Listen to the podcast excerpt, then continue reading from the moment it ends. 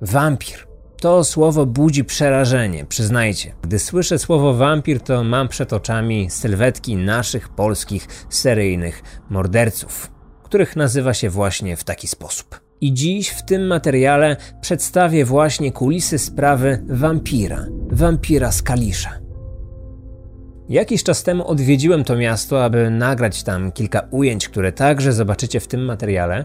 No i podczas tej mojej podróży wrzuciłem kilka relacji na Instagram. Poinformowałem tam moich słuchaczy, moich widzów, że jestem w Kaliszu, że nagrywam tutaj jakiś materiał, ale nie zdradzałem o jaką sprawę chodzi. I wyobraźcie sobie, że od razu dostałem wiele wiadomości od kaliszan i kaliszanek, e, i większość z tych osób dopytywała, czy chodzi właśnie o wampira z Kalisza, czy chodzi o tę sprawę, a inni z kolei proponowali, aby zająć się tym tematem. To uzmysłowiło mi, że ta sprawa wciąż żyje w społeczeństwie, że pamiętają o niej nie tylko osoby starsze, ale także i osoby młodsze, więc ta historia musi być przekazywana z ust do ust, e, bo w internecie na temat tej sprawy zbyt wiele nie ma. Pojawiło się może dwa, trzy artykuły, ale nie było tam zbyt wielu szczegółów, e, dlatego też e, postanowiłem, aby zająć się tą sprawą, aby opowiedzieć o tym trochę więcej, abyście wy, Kaliszanie, poznali historię no, no, niechlubną historię swojego miasta e, i wiem też, że ta sprawa zainteresuje mieszkańców z innych regionów Polski. Krystyna miała 14 lat. Mieszkała w małej wiosce pod Kaliszem. W 1970 roku, pewnego lipcowego poranka, razem z babcią pojechały do miasta na targ. Kobieta sprzedawała tam wiejskie wyroby, a Krysia miała jej pomóc. Po jakimś czasie odłączyła się od babci, aby rozejrzeć się trochę po okolicy. Nastolatka jednak zniknęła. Jedyne co udało się ustalić, to że oddaliła się z targu idąc w kierunku ulicy Majkowskiej. Tam urwał się ślad. W przypadku zaginięć młodych osób e, bardzo często pojawia się jednak przypuszczenie, że może ta osoba zabalowała, że może spotkała jakichś znajomych, że chciała uciec e, z domu, że za jakiś czas skruszona wróci do domu cała i zdrowa. Do Krysi takie zachowanie zupełnie nie pasowało. Ona była raczej nieśmiała, wycofana, mm, nie miała takiej, takiej zdolności do szybkiego nawiązywania kontaktów. Z całą pewnością, jeżeli miałaby wyjechać z domu, to na 100% komuś by o tym wcześniej powiedziała. Dlatego też ta hipoteza o dobrowolnym oddaleniu się od domu, o ucieczce, w ogóle nie była brana pod uwagę. Milicjanci założyli niestety najgorszy scenariusz nieszczęśliwy wypadek, samobójstwo, a może zabójstwo albo porwanie. Te hipotezy badano, te hipotezy istniały w trakcie śledztwa. Prawie trzy tygodnie później było już jasne, że dziewczynka nie żyje. Pracownicy komunalni, opróżniając zbiornik w wychodku przy ulicy Nowotki, obecnie to ulica Parczewskiego, odnaleźli ciało. Już po wstępnych oględzinach było wiadomo, że doszło do zabójstwa i najprawdopodobniej e, mowa tu o zabójstwie na tle seksualnym. Ciało było częściowo obnażone, mm, ubranie było zdarte, a w niektórych fragmentach nacięte. Na szyi dziewczynki cały czas była zaciśnięta tasiemka. Ofiara zmarła przez uduszenie. Tym samym miejscu milicjanci znaleźli także dwa noże kuchenne, finkę oraz bagnet. Przypuszczano, że być może są to przedmioty, które pozostawił tam sprawca. Może któreś z nich było narzędziem zbrodni. Sprawca najprawdopodobniej zabił w innym miejscu, a następnie podrzucił ciało do dołu kloacznego. Zwłoki znaleziono zaraz przy otworze służącym do wybierania fekali. Na podstawie tego miejsca, w którym odnaleziono ciało, a właściwie całej okolicy tego miejsca, e, udało się wyciągnąć wiele ważnych wniosków. Ten dół kloaczny, miejsce gromadzenia fekali, było otoczone z jednej strony przez warsztat ślusarski, a z drugiej zaś znajdował się niewielki warsztat szewski. Pomiędzy nimi była też toaleta. A cały ten teren znajdował się w obszarze, który był otoczony przez płot. Co nam to mówiło o sprawcy? Przede wszystkim zabójca najprawdopodobniej przyniósł w to miejsce ciało nocą. W przeciwnym razie zostałby zauważony. E, ktoś zwróciłby uwagę na mężczyznę, który niesie dziwnie wyglądający duży pakunek, prawda? Sprawca nie mógłby sobie pozwolić na takie ryzyko. Śledczy założyli więc, że sprawca musi mieszkać albo często przebywać w budynku w pobliżu. Ściślej mówiąc, chodziło o teren bezpośrednio przylegający do miejsca zbrodni, o ten budynek, który był najbliżej. Może e, sprawca rzeczywiście był lokatorem któregoś z tych mieszkań, a może był tam tylko stałym bywalcem. Najprawdopodobniej najpierw zaprosił do swojego mieszkania dziewczynkę, tam doszło do zabójstwa, a potem, kilka godzin później, pod osłoną nocy, gdy upewnił się, że nikt go nie zobaczy, wyniósł ciało do dołu kloacznego, w którym później zostało odnalezione.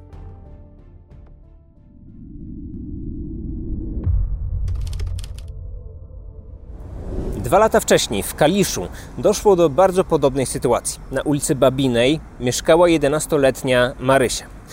Pod koniec października 1968 roku wyszła z domu do pobliskiego sklepu, aby sprzedać butelki. Miała przyjść e, za chwilę, bo później miała iść jeszcze do szkoły. Musiała przejść przez taki e, pas zieleni, przez planty, planty Rokosowskiego. Tak to miejsce nazywają miejscowi obecnie, tak nazywano je kiedyś i właściwie po przejściu tego odcinka było już na miejscu. Kierowała się do budynku przy ulicy Nowotki, obecnie ulica Parczewskiego. Mm, do tego miejsca nie dotarła i do domu już nigdy nie wróciła. Zaginięcie zgłoszono na milicję e, i chyba nikogo to nie zdziwi, że na sam początek na celownik śledczych trafił ten właściciel sklepu, czyli ten mężczyzna, do którego kierowała się Marysia, któremu miała sprzedać butelki. On opowiadał, że znał dziewczynkę z widzenia, że wcześniej wielokrotnie robiła u niego zakupy, też wcześniej sprzedawała mu już butelki, ale nie przypominał sobie, czy tego feralnego dnia, czyli w tym dniu, kiedy zniknęła, e, Marysia rzeczywiście dotarła do jego lokalu, czy w ogóle widział ją tego dnia. Mężczyzna został oczywiście dokładnie przemaglowany przez milicjantów. Sprawdzano jego przeszłość, sprawdzano jego alibi, e, weryfikowano jego zeznania. Na tej podstawie ustalono, że nie miał żadnego związku ze sprawą. Milicjanci założyli, że Marysia nie żyje. Może miała wypadek. Brano pod uwagę, że mogła wpaść do jakiegoś zbiornika wodnego, mm, być może nawet podczas korzystania z ustępu wpadła do niego i nieszczęśliwie się tam utopiła. Dlatego, dlatego taką hipotezę również brano pod uwagę i sprawdzano szczególnie takie miejsca w okolicy. Niedaleko plantów, niedaleko miejsca zamieszkania dziewczynki płynie rzeka Prosna i to miejsce także zdecydowano się przeszukać. Jedną z hipotez, którą przyjęli śledczy, e, była wersja o nieszczęśliwym wypadku. A jeżeli miało dojść do jakiegoś nieszczęścia, jeżeli coś złego miało się wydarzyć, no to tutaj było największe zagrożenie. Dlatego sprawdzano odcinek rzeki, sprawdzono okolice tego miejsca, szukano jakichkolwiek śladów, które mogłyby wskazywać na to, że dziewczynka się tutaj pojawiła, że coś złego mogło się wydarzyć, e, ale niczego takiego nie znaleziono.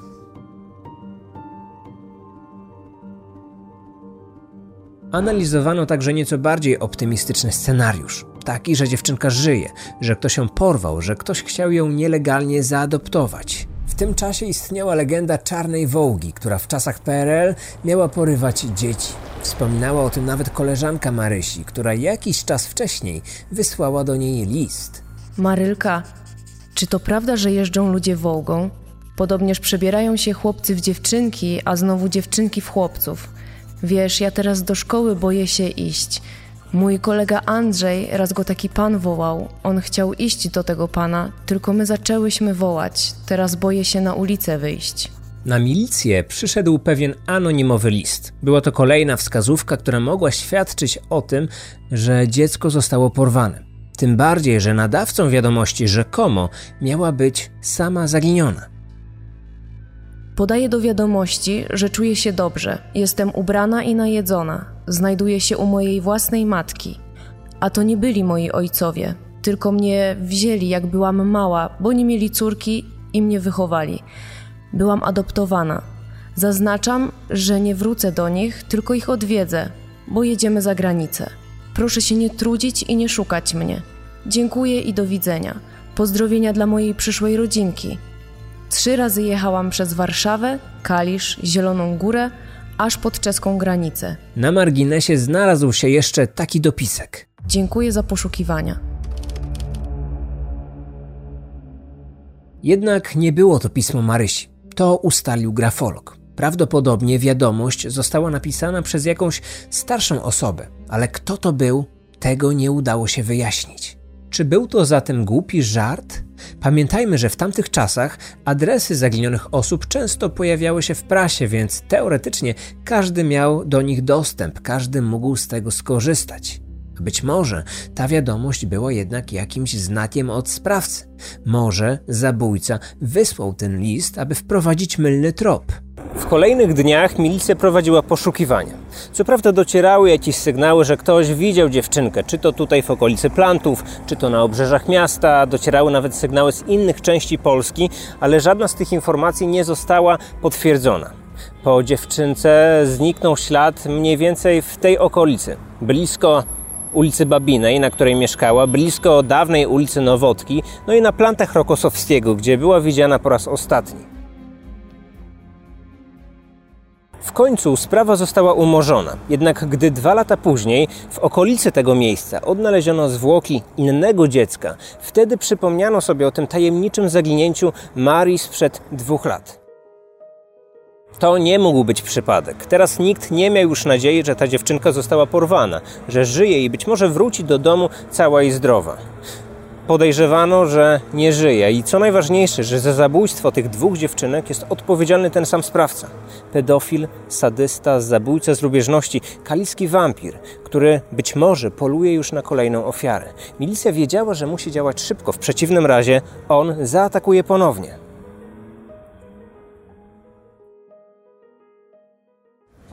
Na celownik śledczych trafili oczywiście wszystkie osoby mieszkające w okolicy, ale szczególnie zainteresowano się mieszkańcami budynku, mm, przy którym znaleziono zwłoki, no i w którym mieścił się również ten sklep monopolowy, do którego e, dziewczynka szła sprzedać butelki. W tamtym czasie w tym budynku mieszkało około 40 osób. Udało mi się zlokalizować ten budynek. Co ciekawe, w tym samym miejscu, w którym kiedyś mieścił się sklep, obecnie również znajduje się lokal sprzedażowy.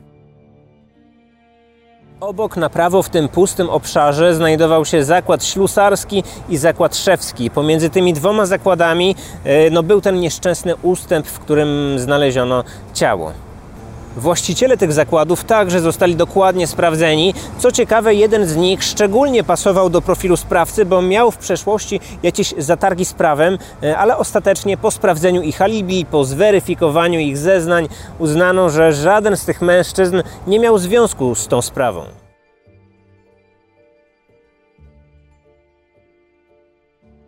W tym momencie śledztwo przebiegało dwutorowo. Z jednej strony analizowano wszystkich mężczyzn, którzy w przeszłości byli karani za mm, podobne przestępstwa, mam tu na myśli zabójstwa, gwałty, molestowanie dzieci. Z drugiej zaś strony sprawdzano wszystkie osoby w okolicy, a szczególnie koncentrowano się na jednym budynku przy ulicy Nowotki, czyli przy tym budynku, przy którym odnaleziono zwłoki. I w ten właśnie sposób udało się dotrzeć do pewnego 21-letniego mężczyzny. Samuel pochodził z rozbitej rodziny. Samuel razem z babcią mieszkał w tym samym budynku, przy którym mieścił się sklep monopolowy. To właśnie przy tej posiadłości, w dole kloacznym, odnaleziono zwłoki dziecka.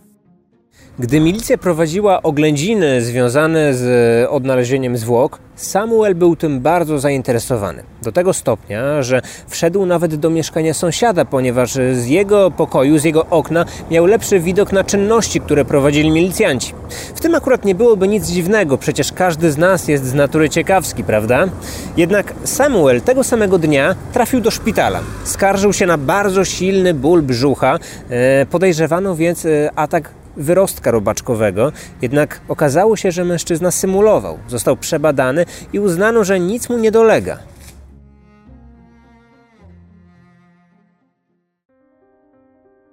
Milicjanci zaczęli się nim interesować. Okazało się, że miał już problemy z prawem. Jako nastolatek siedział nawet w poprawczaku za kradzieże i drobne przewinienia, a kilka lat wcześniej był karany za włamanie oraz ucieczkę z wojska. Nie miał stałej pracy. Gdy miał wolny czas, to zazwyczaj włóczył się po mieście w szemranym towarzystwie. To był jego sposób na życie. Co prawda, miał dziewczynę, nawet narzeczoną, ale nie był jej wierny. Jak później zeznawał, miał w swoim życiu dziesiątki kobiet. Lubił eksperymentować. Normalne zbliżenia nie dawały mu pełnej satysfakcji. Szczególnie pociągały go młode dziewczyny ze wsi. Czasami widziano go także w towarzystwie prostytutek, z usług których także korzystał. Bez wątpienia miał mm, dużą łatwość w nawiązywaniu kontaktów. Był otwarty, miał poczucie humoru, był pewny siebie. To pomagało mu rozmawiać z kobietami. Samuel był utalentowany muzycznie. Grał na gitarze, całkiem nieźle śpiewał, czasami nawet pisał wiersze i komponował piosenki. W piwnicy miał pewien tajemny pokój. Teoretycznie służył mu do muzycznych ćwiczeń, ale w praktyce jego główne przeznaczenie było jednak inne. Sprowadzał tam swoje towarzystwo, pili alkohol, umawiał się tam z kobietami, uprawiali seks.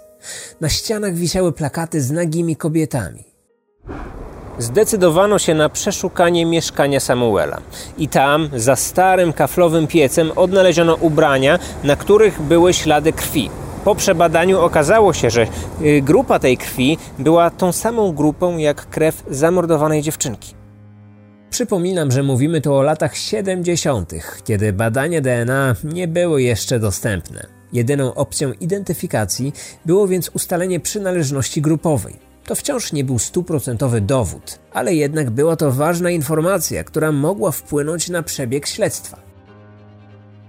Jeszcze w czasie, gdy Samuel przebywał w szpitalu, jego babcia ostrzegła go, że interesuje się nim milicja. No i on się przeraził. E, do tego stopnia, że uciekł ze szpitala. Wiedział, że nie mógł wrócić do tego miejsca, że nie może pojawić się w domu, bo będzie pod obserwacją i zaraz zostanie schwytany. Skontaktował się ze swoją narzeczoną. Zapytał ją, czy ucieknie z nim wspólnie poza miasto, ale ona się na to nie zgodziła. Podobno w rozmowie z dziewczyną miał powiedzieć wtedy: Żywego mnie nie wezmą, a jak zwieje, to Polska będzie miała takiego zbrodniarza, jakiego do tej pory nie było. Nie miał planów na ucieczkę, nie miał pieniędzy, działał w amoku. Za Samuelem rozesłano list gończy. Teraz szukała go już milicja w całym kraju. Jego ucieczka nie trwała jednak długo. Już dwa dni później został zatrzymany w hotelu w Gdyni i przewieziono go do komendy w Poznaniu.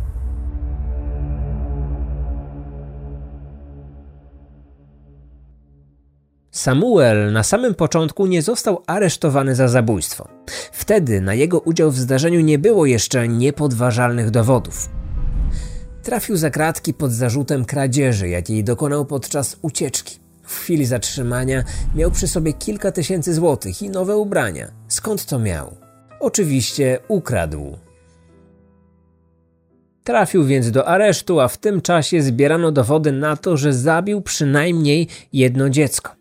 W tym samym czasie jeden z mieszkańców e, ulicy Nowotki przypomniał sobie o pewnej sytuacji. Do zdarzenia miało dojść dwa lata wcześniej, jesienią 68 roku. Samuel zaproponował mi, aby wspólnie wykopać dół u niego w piwnicy. Tłumaczył, że dowiedział się od swojego dziadka o istnieniu jakichś lochów. Mieliśmy je tam niby znaleźć pod ziemią. Kopaliśmy na jakieś półtora metra, ale ostatecznie niczego nie znaleźliśmy. Ja w końcu miałem dość. Samuel powiedział, że dalej będzie kopać sam. Zapytałem go jakiś czas później, co z tymi lochami, czy coś znalazł. Odpowiedział, że też w końcu dał sobie spokój i zasypał dół. Informację o kopaniu w piwnicy potwierdził także inny świadek. Z kolei jeszcze inny mieszkaniec budynku zapamiętał, że mniej więcej w tym samym czasie e, Samuel rozrabiał cement w piwnicy. Tłumaczył, że spadła mu doniczka, która uszkodziła posadzkę. Chciał naprawić ukruszony fragment podłogi. Pamiętam, że doradzałem mu nawet, w jaki sposób najlepiej rozrobić ten cement, tak aby był mocny. Do tych sytuacji, o których opowiadali świadkowie, miało dojść na chwilę po tym, gdy zaginęła dziewczynka. Jak się pewnie domyślacie, nie był to przypadek. Właśnie pod posadzką w piwnicy odnaleziono zwłoki. Czyli tam, gdzie przez ostatnie miesiące Samuel urządzał imprezy, libacje i seks spotkanie z dziewczynami. Nie przeszkadzało mu, że w tym samym czasie, metr pod ziemią, zakopane były szczątki jego pierwszej śmiertelnej ofiary. Nie udało ustalić się przyczyny śmierci. Ciało było w zbyt złym stanie. Jednak e, przez to, że na czaszce nie odnaleziono żadnych e, obrażeń, żadnych śladów, które mogłyby wskazywać na uderzenia, e, założono, że najpewniej dziewczynka zmarła przez uduszenie. Brakowało jeszcze tylko przyznania się do winy. Samuel kręcił, wypierał się, jednak w końcu pękł i opowiedział o szczegółach zabójstw. Tego dnia z samego rana uprawiałem seks z koleżanką. To mnie nie zaspokoiło. Chciałem znaleźć inną partnerkę. Wcześniej jeszcze trochę wypiłem, szumiało mi w głowie. Gdy wracałem z miasta, spotkałem dziewczynkę. Wiedziałem, że idzie do skupu, bo miała przy sobie puste butelki. Powiedziałem, że ja też mam kilka, mogę jej dać, ale musi iść ze mną po nie do piwnicy. Tam rozebrał swoją ofiarę, zgwałcił oraz zabił. Tłumaczył, że śmierć była następstwem uderzenia w krtań e, zewnętrzną częścią dłoni. Uderzył dziewczynkę tak zwanym karatem. E, tak wyjaśniał to w trakcie przesłuchań. Następnie ciało miał zapakować w worek i w przygotowanym wcześniej dole umieścił ten pakunek, następnie zasypał go ziemią i zalał cementem. Po wszystkim zorientował się jeszcze, że zostały buciki tej dziewczynki. Zapomniał ich dorzucić do tego dołu. E, wyrzucił je więc do jakiegoś dołu kloacznego przy budynku w okolicy. Tego dnia wracałem z nieudanego spotkania. Dziewczyna, z którą się umówiłem, wystawiła mnie i nie przyszła. Zauważyłem taką młodą przy straganach. Podszedłem do niej i zagadałem. Poprosiłem, aby pomogła mi zanieść do domu koszyk z czereśniami. Zgodziła się. Przekonywał, że nastolatka dobrowolnie przyszła do niego do mieszkania, że sama zgodziła się na odbycie stosunku, e, jednak później wszedł w niego jakiś demon. Sam nie rozumiał dlaczego, uderzył ją pięścią w podbródek, ona się przewróciła, e, później zaczął ją dusić i właściwie nie mamy stuprocentowej pewności, y, co działo się w trakcie tych ataków, jakie były dokładne okoliczności zabójstw, bo mm, Samuel jednak nie mówił całej prawdy. Biegli, którzy badali y, obrażenia na ciele ofiar, y, sugerowali, że jednak prawda była trochę inna, że wampir z Kalisza był bardziej brutalny niż to, jak opisywał to w trakcie przesłuchań. Później owinąłem ciało w damski podgumowany płaszcz. Obowiązałem to wszystko paskami i tasiemkami, które znalazłem w tapczanie w mieszkaniu i wyniosłem do piwnicy. Do ustępu zaniosłem ten pakunek dopiero następnego dnia, późnym wieczorem. Możliwe, że sam akt zabijania był dla niego przyjemnością. Może taki normalny, zwykły stosunek z kobietą nie zadowalał go. Być może potrzebował silniejszych, mocniejszych wrażeń. Wiele wskazuje na to, że Samuel mógł być zabójcą z lubieżności, a więc sadystą w najgorszej możliwej postaci. Uznano, że ten człowiek e, nie zostanie już zresocjalizowany, że nie ma szansy na to, aby on kiedyś wyszedł i nie stwarzał zagrożenia w społeczeństwie. Tym bardziej, że do swojej tajemnej piwnicy sprowadzał także inne kobiety. Obstawiam, że gdyby nie to, że został schwytany po tym drugim zabójstwie, to miałby na koncie więcej śmiertelnych ofiar. Jego wina nie pozostawiała wątpliwości. Uznano, że w chwili ataków był poczytalny, a w związku z tym Samuel mógł usłyszeć tylko jeden wyrok. W czasie procesu odmawiał składania wyjaśnień, a w swoim ostatnim słowie powiedział: Sytuacja nie pozwalała mi o nic innego wnosić niż o to, co jest powszechnie wiadomo. Samuel zdawał sobie sprawę, że czeka go ten najwyższy wymiar kary i nie próbował nawet wpłynąć na decyzję sądu. Zabójca po usłyszeniu wyroku zbladł, ale wiadomość o nadchodzącym spotkaniu z Katem przyjął spokojnie. I zgodnie z przewidywaniami został skazany na śmierć. Powieszono go w Poznaniu na początku 71 roku. A na koniec dodam jeszcze jako ciekawostkę, że jednym ze specjalistów zaangażowanych w tę sprawę był dr Marian Stochaj. To medyk sądowy z Poznania, który kiedyś brał udział przy najgłośniejszych zbrodniach, jakie miały miejsce w Wielkopolsce, a także w stolicy, gdzie pracował przez kilka ładnych lat. I jedną z takich spraw, którą dr Stochaj także się zajmował i którą bardzo dobrze zapamiętał, była sprawa poznańskiego nekrofila. Taki przypadek trafił się temu doświadczonemu specjaliście tylko jeden raz w całej jego karierze. Wspomnień naszego eksperta posłuchacie w audioserialu, który w całości poświęcony jest tej historii. Link do strony sprzedażowej znajdziecie w opisie tego materiału.